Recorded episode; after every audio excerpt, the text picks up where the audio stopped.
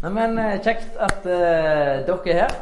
Da skal, vi, skal jeg få lov til å uh, dele litt. Vi bare begynner med å be litt først. Uh, gode Gud, gode pappa, bare takke deg for at vi får lov til å være her. At vi får møtes. At vi bor i et land der vi kan møtes uten å være redde for det.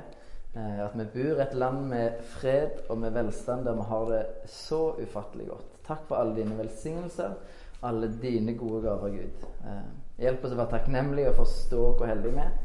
Eh, hjelp oss å forstå hvor heldige vi som får lov til å samles. Jeg ber om at du skal være midt iblant oss nå. Jeg ber om at vi skal få lov til å kjenne at du er her med ditt nærvær. Jeg ber om at vi skal få lov til å høre fra deg og lytte til deg. Eh, at du skal blåse liv i de ordene som jeg har tenkt å si, at det kan være noe som treffer hjertene våre, Gud. Vi ønsker å møte deg. Vi ønsker å bli mer kjent med deg, Gud. Eh, og vi ønsker å vite hva du har for oss eh, i vårt liv. Hva du ønsker at vi skal gjøre, hva vi kan få lov til å gjøre og tjene deg med, Gud. Så bare inviterer deg inn som herre over dette fellesskapet, over denne eh, stunden som vi skal ha her. Bare kom, Gud, og møt oss. Kom og åpne hjertene våre. Hjelp oss å legge vekk alt som vi tenker på av stress og mas og jag, og la oss bare få lov til å vende blikket på deg nå, Gud. Amen. Ja Jeg heter Eivind Landro, hvis noen ikke har eh, sett meg før eller truffet meg før. Eh, og jeg er så heldig å få lov til å bli pastor her. Eh, det er veldig, veldig kjekt. Og det er veldig givende å få lov til å være med i den posisjonen vi er, at nå er det på en måte nystarta, og vi skal få lov til å, å ta det et steg videre. Og ja, få lov til å være med på det som jeg tror Gud gjør. da. Og det er veldig, veldig kjekt. Tidligere de gangene vi har vært her, så har vi snakket litt om eh, Siden vi er på en måte ei ganske fersk menighet, fersk kirke, så snakker vi litt om hva vil det si å være ei kirke. Eh, det har vi snakket om det tidligere. Nå skal vi snakke litt om hvorfor kirke. Hvorfor finnes det kirker, egentlig?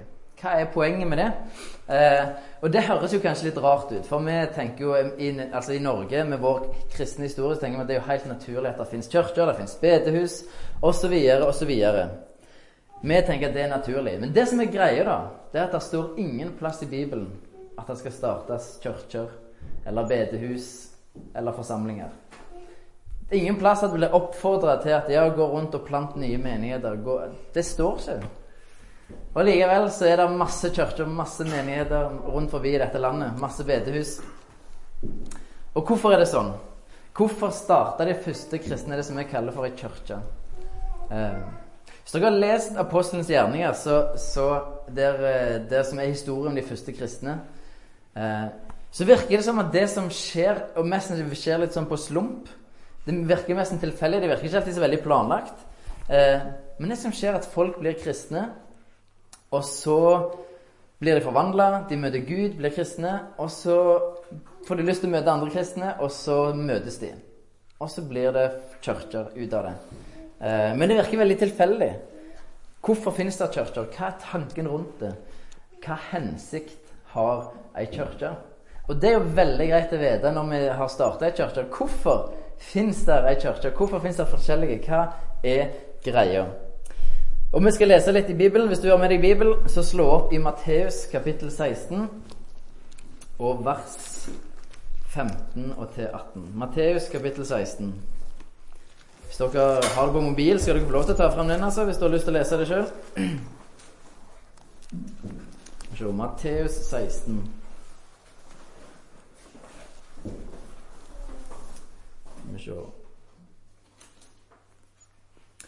Ja, vi leser fra vers 15. Jesus har liksom uh, har spurt hvem sier folk at jeg er. Og så og så spør han disiplene sine Jeg leser bokmål igjen, beklager det. Jeg, er, jeg, forstår best bokmål. Så dere som er glad i nynorsk, det er sikkert de fleste av dere, så derfor er det lurt å ha med egen bibel, for da får dere lese på nynorsk. Der står det Og dere, spurte han, hvem sier dere at jeg er? Da svarte Simon Peter, du er Messias, den levende Guds sønn. Jesus tok til orde og sa, salig er du, Simon, sønn av Jonah. For dette har ikke kjøtt og blod åpenbart deg, men min Far i himmelen. Og jeg sier deg, du er Peter, og på denne klippen vil jeg bygge min kirke, og dødsrikets porter skal ikke få makt over den. Dette her er da en av få plasser der Jesus da snakker om å bruke ordet 'kirke'. Eh, jeg tror han bruker det bare tre ganger. eller noe sånt. Jeg er litt usikker. Men han sier ordet 'kirke'. Han bruker det ordet her. Og hva er det Det han sier, er veldig, det er viktig å merke seg dette. For hva er det han sier? Hva er det han sier om kirka? Jo, han sier at eh, 'jeg skal bygge min kirke', sier han. Jeg skal gjøre det. Så Jesus gir oss på en måte en ansvarsfordeling. Han sier at 'jeg skal bygge kirka'. Det er ikke vi, men han skal gjøre det. Det er hans kirke, det er ikke vår, det er ikke min kirke, det er ikke de kirke. Det er Jesus sin. Det er Jesus sin kirke. Eh, jeg syns det er ganske befriende. Det er Jesus sitt ansvar. Det er han som vil dette. Han vil mer enn noen av oss andre at det skal være noe som heter Ulsteinvik frikirke. Han vil det. Han ønsker det. Eh, og så sier han at dødsrikets porter ikke skal få makt over den. Eh, ordet dødsrike kan like godt oversettes med helvete. Det er ofte De veksler mellom å oversette med de ordene der. Eh, men han sier dødsrikets porter skal ikke få makt over kirka, sier han. Eh, og hvis Tradisjonelt sett så har det blitt tolka litt sånn opp ned. Eh, for det blir tolka som at eh, ja, ute i verden er det masse farlig og skremmende, men her inne i kirka, her er det bra. Hør hvor det stormer der ute. Her er det fredfylt og tyst, synger vi en sang. ikke sant? Som, som, at det der ute er kjempefarlig, men de som er inne i kirka, de er trygge. Sånn har dette blitt tolka egentlig. Men hva er det som står egentlig? Av og til er vi nødt til å tenke gjennom hva er det som egentlig står. Og der står at dødsrikets porter ikke skal få makt over kirka. Og da har jo jeg et spørsmål. Hvor mange har noen gang blitt angrepet av en port eller et gjerde? Oppmåne de som er blitt angrepet av en port eller et gjerde. Nei, ingen. For det, porter angriper ikke. Gjerde angriper ikke. For porter og gjerder, det er forsvarsverk. Det er noe du har for å beskytte deg mot inntrengere. Ikke sant? Det er det som er poenget med porter og med gjerder. Det er forsvar. Du skal hindre andre i å komme inn. Så hva er det Jesus egentlig forteller oss her? Han forteller oss om kirka sin funksjon og hensikt. Og det han forteller, er at kirka skal storme dødsriket. Og dødsrikets porter, dødsriket sitt forsvarsverk, skal ikke klare å stå seg mot kirka. Det er det Jesus faktisk sier. Så hvem er det som angriper hvem? Kirka angriper dødsriket, eller bruk mørkets makt, fienden. Bruk hva ord du vil. Prinsippet er det samme. Det er det Jesus forteller oss i den teksten når han sier at 'jeg vil bygge min kirke', og det skal være ei sånn kirke. Ei kirke som angriper mørkets makt, som angriper fienden. Og fiendens forsvarsverk det skal ikke kunne stå seg imot kirka. Er du med på hva Jesus sier her? Og det er sannsynligvis litt annet enn det vi har tenkt. For vi har tenkt at kirka ofte er noe svakt, noe skrøpelig. Eh, ja, her er vi så få, eh, osv., osv. Og så bare Jesus sier nei, nei, nei. Det er ikke, det, det er ikke sånn det er. Vi har snudd det på hodet. Jesus skal bygge sin kirke. Og mørkets makt Fienden, djevelen, han skal ikke kunne stå seg mot kirka sine angrep. Så kirka er den offensive, ikke passive. Kirka er den som angriper, den som initierer, den som tar initiativ til at det skal skje endring. Det er kirka som gjør det, ikke omvendt. Og det er så viktig, for her ser vi hva hensikt kirka skal ha. Hvorfor finnes vi her? Jo, fordi vi skal angripe mørkets makt. Vi skal angripe fienden. Vi skal få slutt på mørket som fins. Vi skal bringe inn lyset. Det er poenget med at vi fins, blant annet. Det er ikke den eneste. Så hva skal vi gjøre da? Hvis Jesus skal bygge sin kirke, og vi ikke skal bygge kirka, hva er det da vi skal gjøre? Hva er det vi skal gjøre? Jeg snakket litt om det sist gang, at, at vi, være, vi, er kalt til å være Guds folk. som med iver gjør gode gjerninger. Vi er representanter, vi er ambassadører for Gud. Vi skal vise verden, vi skal vise Ulsteinvik hvordan Gud ser ut. Det er, det er på en måte vår jobb. Eh, og Jesus sier det jo egentlig best sjøl. Eh, det siste han sier til disiplene sine Vi kan lese det også i Matteus kapittel 28. Det siste Jesus sier før han reiser opp til himmelen, og det siste han sier, tenker vi ofte at det siste en person sier, det er som regel ganske viktig. Han kunne fortalt veldig mye, men han velger å si akkurat dette her. Eh, så Matteus 28 og vers 18 til 20, det er sikkert noen av dere som kan dette utenat, som har hørt dette mange ganger før. Men Jesus sier, eller det står Da, da trådte Jesus fram og talte til dem. Jeg har fått all makt i himmelen og på jorden. Gå derfor og gjør alle folkeslag til disipler.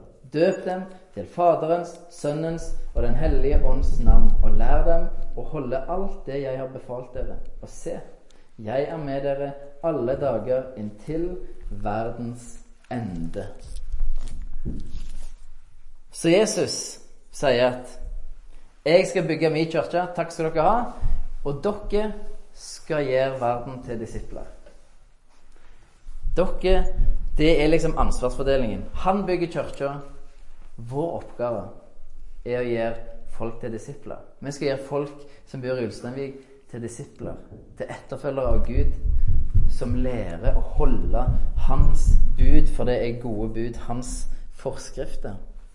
Eh, det, som, det som er greia det som, det som er greia, er at det, vi tenker sånn Tradisjonelt sett så tenker vi at kirka har et oppdrag. Vi har et oppdrag vi må gjøre. Sant? Vi skal gå ut og drive misjon, vi skal gjøre disipler. Eh, men det egentlig er det snudd på hodet. Oppdraget har ei kirke. Det er det som er realiteten. Oppdraget har ei kirke. Kirka har ikke ei oppdrag, men oppdraget har ei kirke. Målet kommer først. Det har ikke blitt starta ei eneste kirke når Jesus gir dem denne befalingen her. At jeg vil at dere skal gå ut i all verden og gjøre alle folkelagte disipler. Og så, ok, Det er målet vårt. Og pga. at det er målet, så danner vi noen fellesskap. For vi trenger å samles. Vi trenger å møte Gud. Vi trenger å be til Gud om at Han hjelper oss med dette her. For dette er svære ting. Eh. Men det er greia. Oppdraget om at Ulsteinvik skal bli frelst, at Ulsteinvik skal bli gjort til disipler, har ei kirke. Og den heter Ulsteinvik frikirke. Men i den rekkefølgen. Vi har ikke et oppdrag. Oppdraget har oss. Det er den store forskjellen. Eh, og det å snakke om, om disippelgjøring, det er ganske sånn i vinden for tida, egentlig. Det, eh, men de fleste snur, snur likevel opp ned på ting eh, med disippelgjøring. Det skal vi snakke om. Men de, de fleste tenker at ja, hvis vi skal disiplere Ulsteinvik, så trenger vi å plante ei kirke. Og så begynner vi å gjøre disipler. Men det er faktisk ingen garanti for at det kommer til å skje. Det er ikke automatikk i at ei kirke lager disipler. Men disipler vil alltid lage kirke. Det vil alltid forme ei kirke hvis det er noen disipler. Men ei kirke vil ikke nødvendigvis skape disipler. Eh, ofte så begynner vi i feil ende fordi vi ikke begynner på oppdraget først. Eh, vi begynner med kirka først, med fellesskapet først. Og så begynner vi av og til i feil rekkefølge. Eh, vår hensikt er å gjøre Ulsteinvik til disipler. Som elsker Gud, som elsker mennesker, som lever som Guds representanter, som ambassadører for Gud, og som gjør nye folk til disipler. Og så skal vi òg gjøre hverandre til disipler. Vi skal hjelpe hverandre til å leve sånn som Jesus viste oss, sånn som han tenkte hele tida. Og det er der de små fellesskapene kom inn. Eh, Rikard snakket litt om hverdagsgrupper. Eh, og jeg har lyst å anbefale deg på det sterkeste hvis du ikke er med i hverdagsgrupper, så bli med. Eh, blir det for liten plass, så lager vi flere. Det skal vi få til. Men bli med i hverdagsgrupper, for det er der disippelgjøring skjer i mye større grad. Her dette er ikke en god arena for å gjøre folk til disipler. Dessverre. Eh, jeg aner ikke hva du kommer til å gjøre med det du hørt i dag. Jeg har ikke peiling. Det er opp til deg. Ingen anelse. Eh, så det er helt opp til deg. Hadde dette vært en god plass å gjort folk til disipler, så hadde Sunnmøre vært forandra for lenge siden. For det går enormt med egentlig masse folk og hører taler, hører undervisning hver eneste uke. Men det skjer veldig lite, egentlig. Det skjer ikke så veldig mye. Så hadde dette vært en god plass å disippelgjort, så hadde, det, hadde Sunnmøre vært forhandla for lenge siden. Men dette er ikke en god plass å gjøre folk til disipler på. Jeg kan gi dere informasjon, jeg kan gi dere kunnskap. You name it. Jeg aner ikke hvordan du vil behandle den kunnskapen. Kanskje vil du handle på det, kanskje vil du ikke på det. Det er opp til deg. Men i et lite fellesskap så kan en i større grad hjelpe hverandre å følge Jesus. Hjelpe hverandre med det som er vanskelig i hverdagen. Ja, jeg syns det er vanskelig, og bibellesing syns jeg er vanskelig. Ja, men vi kan hjelpe deg med det. Vi kan, vi kan oppmuntre deg. Vi kan gjøre det i lag. Eh, vi kan gjøre det her, osv., osv. I små fellesskap så vandrer vi i lag, og vi disiplerer hverandre. Det er der det faktisk skjer. Eh, uten nære relasjoner så skjer det ikke disippelgjøring. Og det skjer heller veldig lite forvandling. Litt skjer, men ikke så mye. Eh, vi skal snakke mer om disippelgjøring senere, garantert. Eh, det er tross alt derfor vi er her. Så Jesus han sier at 'jeg skal bygge min kirke'. For han har lyst til å gjøre det som han har drømt om hele tida. Og hva er det Hva er det Jesus har drømt om? Hva var det Gud drømte om da han skapte verden? Hva, hva, hva er greia her? Hvorfor? Hva, hva, er det Gud drømmer om? Når Gud skapte verden, så skapte han mennesker som hadde en god relasjon til Gud. En tett og nær relasjon til Gud. En god og nær relasjon til andre mennesker. En god og nær relasjon til seg sjøl og en god og nær relasjon til verden rundt seg. Så Gud Det var drømmen til Gud. Eh, og i teologien så kaller en det for shalom. Det som, det som var i Edens hage, kaller en for shalom. På norsk så oversetter vi det hebraiske ordet shalom med fred. Eh, men det er et ord som, som betyr så mye. Men det er et ord som er metta med innhold. Ordet shalom, som vi oversetter med fred, det betyr fred med Gud, fred med deg sjøl, fred med andre, tilfredshet, helhet, å ha det bra, harmoni, god helse, glede, velvilje, vennskap, trygghet, velstand, ro. Alt det der betyr ordet shalom. Shalom er ikke bare et ord, shalom er en tilstand. Og det er det Adam og Eva opplever i Edens hage før de gjør opprør mot Gud. Og det var det Gud drømte om. At det skulle skje. Men etter syndefallet så ble ting snudd opp ned. Etter at mennesket gjorde opprør, eh, så ble det snudd helt opp ned. Og den sjalommen, den forsvant. Eh, vi har ikke den tilfredsheten, den harmonien, den gleden, freden med Gud, med oss sjøl, med andre mennesker. Vi har den ikke.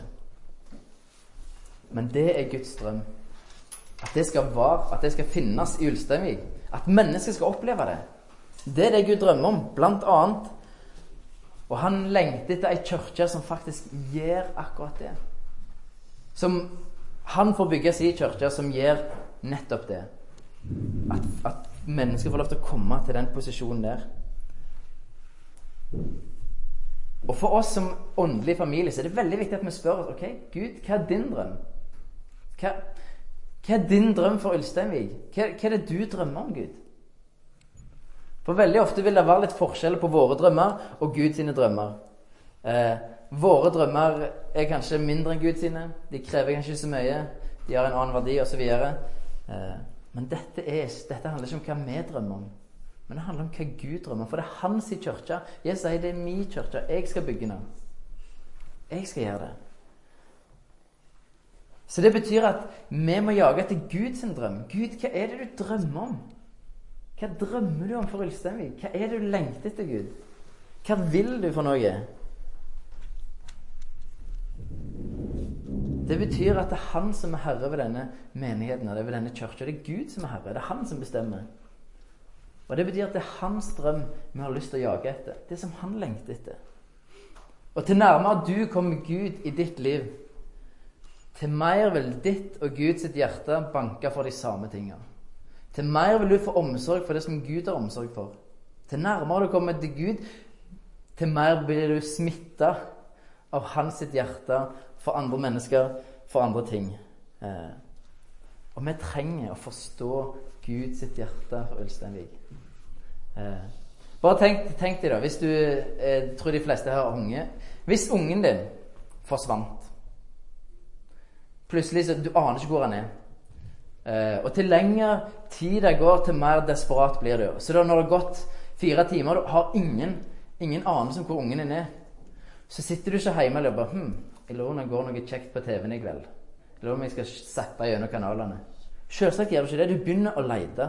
Du går rundt og du ringer alle venner som ungen din kan ha, foreldre, og du spør har dere sett ungen min. Har du sett Nei, jeg har ikke sett. Og til lengre tid det går, til mer desperat blir du.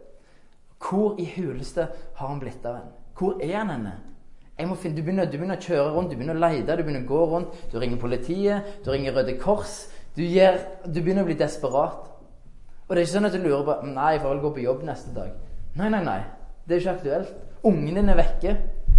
Du, tar, du, du gjør hva som helst for å finne den ungen. Du begynner å gå og lete overalt. Du gjør det du kan gjøre for å finne ungen din som har gått seg vilt, eller har forsvunnet en eller annen plass. Og det er det som er realiteten for Gud. Det er det som skjer. Det er hans hjerte, tror jeg. Det er det som er realiteten for Gud når han ser Bullsteinvik at det er så mange som han ikke har fått kommet i kontakt med, så mange som, har, som ikke har en relasjon til han, som han ikke har Det er så mange som han lengter etter. Det er det som er realiteten. Og han lengter etter ei kirke som har det samme hjertet, som er desperat etter at Gud, du må få bli kjent blant folket. Du må bli virkelig for folket. Folk trenger deg. Det er det Gud drømmer om. Ei sånn menighet, ei sånn kirke. Det er så mange her som strever med livet sitt, for de gjør dumme valg.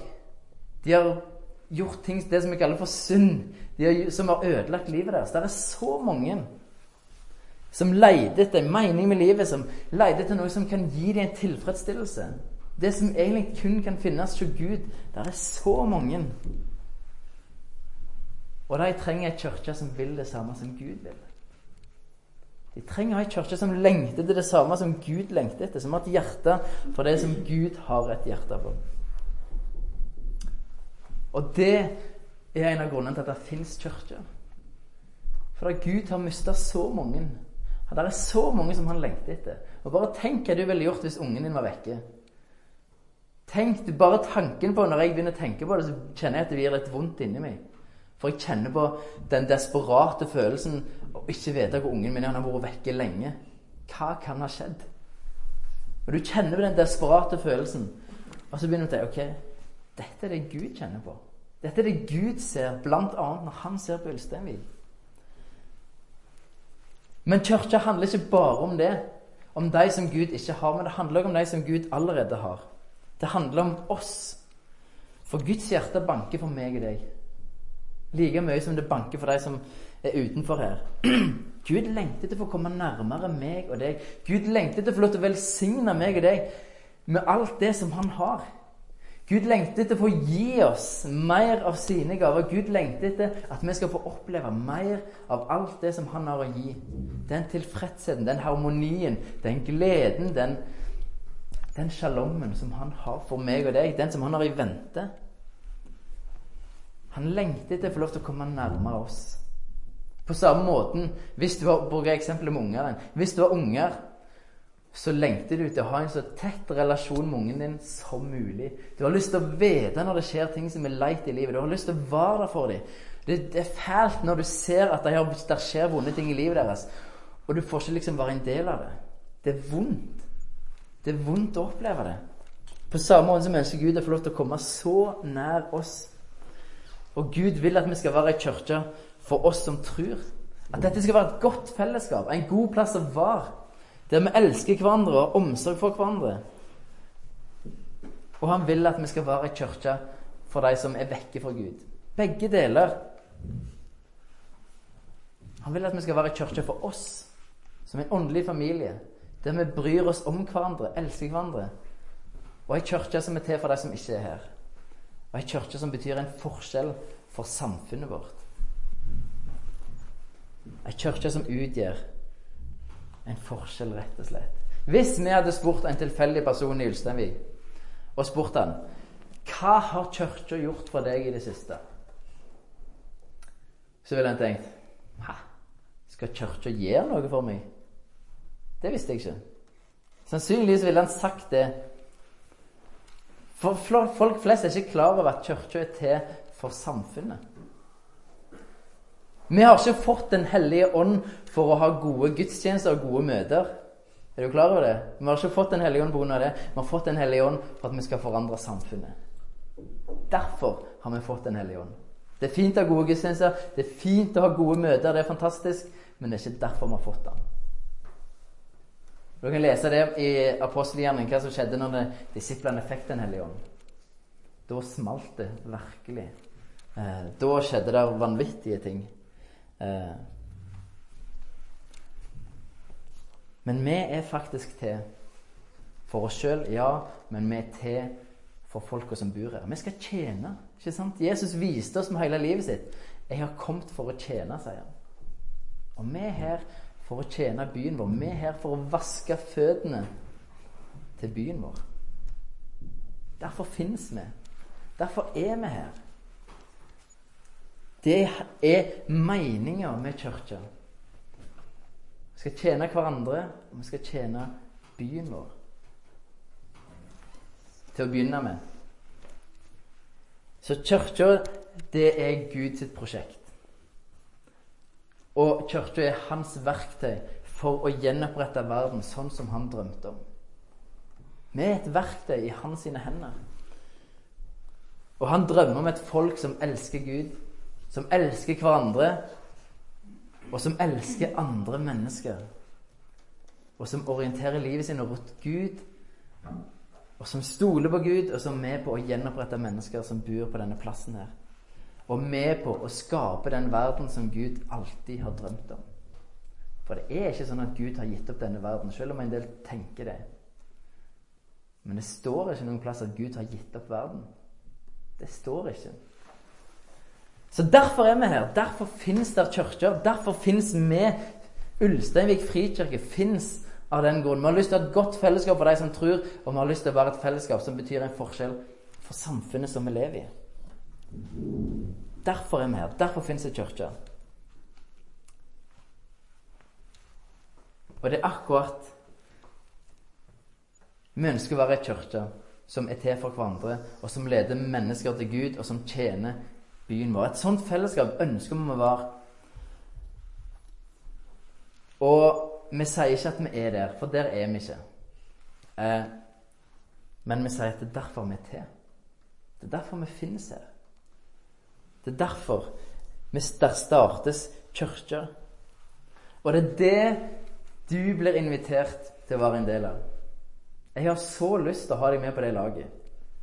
Å være med og tjene deg i fellesskapet ditt, din åndelige familie. Å være med og tjene denne byen her, som desperat lengter etter Gud. De bare vet ikke hvem de lengter etter.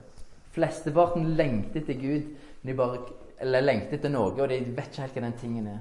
Men det de lengter etter, er faktisk Gud.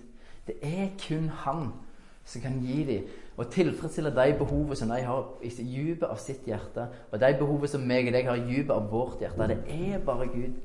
Gud er løsningen på hva problem som fins i denne byen. her. Gud er løsningen. Vi har svaret. Og de lengter etter mer enn de tror og vet sjøl. Så lengter de etter en relasjon til Gud. De lengter etter å bli kjent med Gud de lengter etter å bli satt fri av Gud, de lengter etter å få tilgivelse av Gud, de lengter etter Gud. Og folk er mer interessert i Jesus enn det vi aner. Det kan virke som folk er veldig nei, nei. Jeg tror ikke det er sannheten. I det ytre kanskje, men i det indre så tror jeg det er flere som lengter til Gud enn vi er klar over. Derfor trenger vi kirka. Vi trenger å få være menneskefiskere. Eh, og det er det vi har lyst til å være. Så jeg inviterer deg herved til å være en del av det. Jeg har lyst til at du skal være en del av vårt fellesskap, som tjener hverandre, og som tjener de mennesker utenfor her, og tjener byen vår. For Jeg har lyst til at vi skal bety en forskjell, for det er det jeg tror Gud drømmer om. Og det er derfor kirka fins.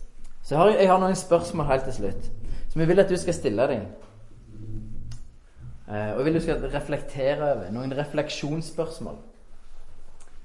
Første spørsmål er litt sånn teoretisk, men eh, det du har hørt om kirka de siste gangene, i dag, andre ganger som har vært her, eh, er det annerledes enn det du har tenkt om kirka tidligere?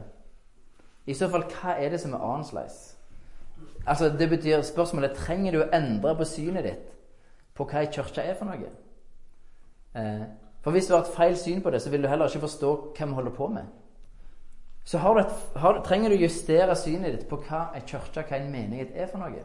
Tenk litt etterpå det. Trenger du å justere tanken rundt det. Eh. Så neste spørsmål er eh, Når jeg stiller dette spørsmålet, så vil jeg at du skal tenke Ikke, ikke tenke ja lenge, men det første som popper opp i hodet ditt. Og det jeg lurer på, er Hva er din drøm? Hva er det første som kommer opp i hodet ditt når jeg sier det? Hva er din drøm? i livet. Tenk litt etter. Og handler din drøm om det som er Guds drøm, eller er det et stort sprik imellom der? Og Jeg vil ikke bli overraska om, om, det er et stort sprik, for det, vi er barn av vår kultur. Vi blir preget av den verden vi lever i, som, som, ofte sier at ja, det viktigste i livet er at du skal få mer av deg sjøl og få alle tingene du drømmer om. Da blir du lykkelig. Eh, hvis du bare får en større bil og en finere hytte eller får bla, bla, bla, en bedre jobb, så blir du lykkelig. Så kanskje drømmen din akkurat noe av det. Et større hus, en finere bil, en bedre jobb, eh, bedre betalt, et eller annet. Men vi trenger å drømme det som Gud drømmer. Det er derfor jeg spør er det stor avstand mellom din drøm og Guds drøm. Er det stor avstand mellom det som ligger på Guds hjerte, og det som ligger på mitt og ditt sitt hjerte? Da trenger vi å justere litt. For vi er Guds folk. Vi, vi, vi, vi tilhører Guds rike, ikke dette riket. Vi tilhører Guds rike. Så da trenger vi å justere oss litt. Vi trenger å si 'Jesus, jeg trenger å drømme om det som du drømmer om'. Jeg trenger å se det som du ser. For jeg er farga av den kulturen jeg lever i. Jeg trenger å vende blikket mot deg, Jesus. Eh, neste spørsmål er Har du en nød for de som ikke tror ennå? Når jeg vokste opp på bedehuset, så snakket en ofte om nød for de ufrelste. Og dessverre så er det litt sånn lite snakket om. Men det er et litt sånn viktig ting å ta med seg. Har du en nød for de som ikke tror ennå? Eh, er det viktig for deg at de som ikke tror ennå, kommer til tro? Eh, har, du en, har du en nød for dem? Et hjerte for de som ikke tror ennå? Og hvis du ikke har det og det er helt, jeg, jeg, skal ikke dømme noen som helst. Hvis du ikke har en nød for de som ikke tror ennå, eh, hvorfor ikke? Hva som gjør at du ikke har en nød for de som ikke er frelst? Det kan være mange ting. Det kan være at du, eh, at du bare er slukt av livet sjøl. Livet er så travelt at du har mest ikke tid å tenke på noe sånt. Altså, du har nok med deg sjøl. Eh, kanskje du føler Jeg har ikke opplevd Gud, at Gud er så viktig at jeg trenger å gi han videre, eller at andre trenger å møte han. Kanskje det er det? Det kan være mange forskjellige ting. Eh, men tenk bare gjennom. Ikke, for ikke for at du skal føle deg dømt, men bare som en realitetsorientering. For Gud er ikke ute til å dømme deg. Jeg er ikke ute til å dømme deg. Bare tenk litt gjennom. Hmm. Har jeg en nød for andre mennesker, eller har jeg ikke? Og hvorfor har jeg ikke en nød hvis jeg ikke har det? Hva, hva, hva er grunnen til det? Og siste spørsmålet. Hva kan du gjøre, eller hva kan du bidra med for at vi skal bli ei kirke som elsker hverandre samtidig som vi elsker andre mennesker og utgjør en forskjell i samfunnet. Hva har Gud gitt deg? Hva kan du bidra med? For du har blitt gitt noe. Eh, hva kan du bidra med? Eh, for at vi skal kunne være ei ekte kirke som er med på å forandre verden vi lever i. Som er med på å leve ut Guds drøm. Så hva, hva, kan du gjøre? Hva har Gud gitt deg?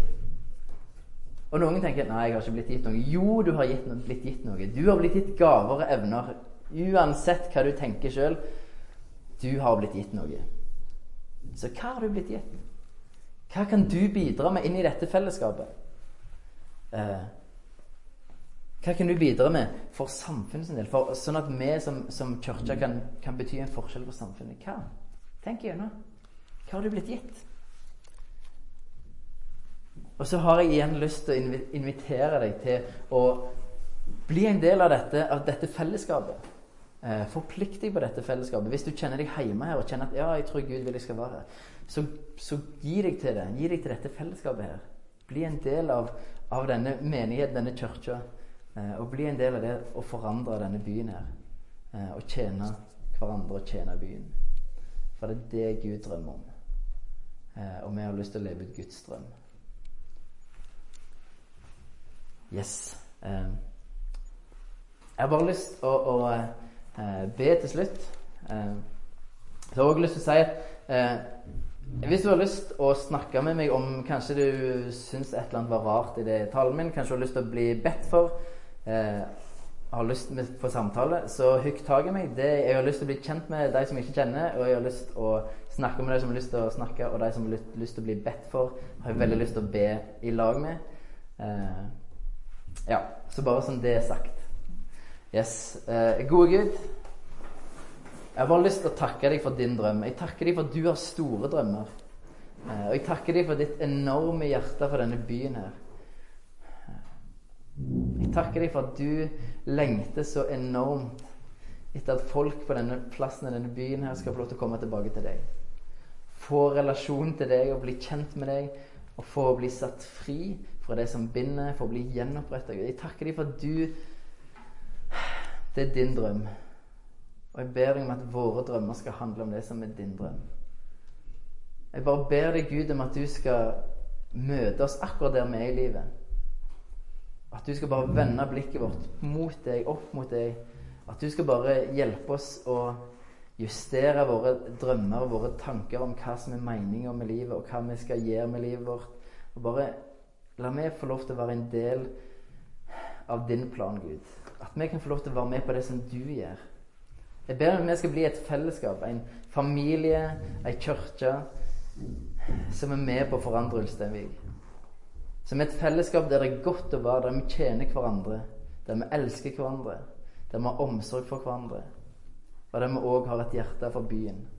Og ser den nøden som du ser. Ser på all den urettferdigheten som du ser. Alle de ensomme. Alle som blir, ligger unna av rus eller avhengighet av forskjellige slag Gud.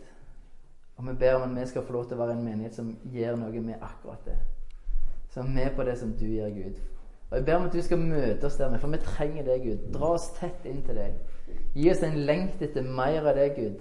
Få se mer av hvem du er, hvor fantastisk du er, og alt du har for oss, alt du har gjort for oss, og hvem vi er i det, Gud. Kom og åpenbar det for oss, for vi trenger deg så sårt, Gud. Og denne byen her trenger deg så sårt, Gud. Så kom Kom over denne byen her. Kom og, kom og gjør ditt verk. Vi ber om vekkelse, Gud, over denne byen og denne plassen her. Vi ber om du skal vekke opp hjertene til folk. Jeg ber om at du skal gi folk en, en lengt etter deg. En lengt etter å få møte deg, Gud. Jeg ber om at det skal skje. Og det har skjedd før, og han ber Gud gjør det igjen. Kom og gjør det igjen, Gud. Kom og skap vekkelse. Og så ber vi at du skal vekke opp oss som tror på deg. At vi skal få se mer og mer hvor fantastisk du er, Gud. Begynn med oss og skap en vekkelse over denne plassen her, Gud. Så ber vi at du skal velsigne resten av denne dagen og kvelden her. Vær med oss, vær nær oss. Eh, hold i hånd over oss, Gud. Amen.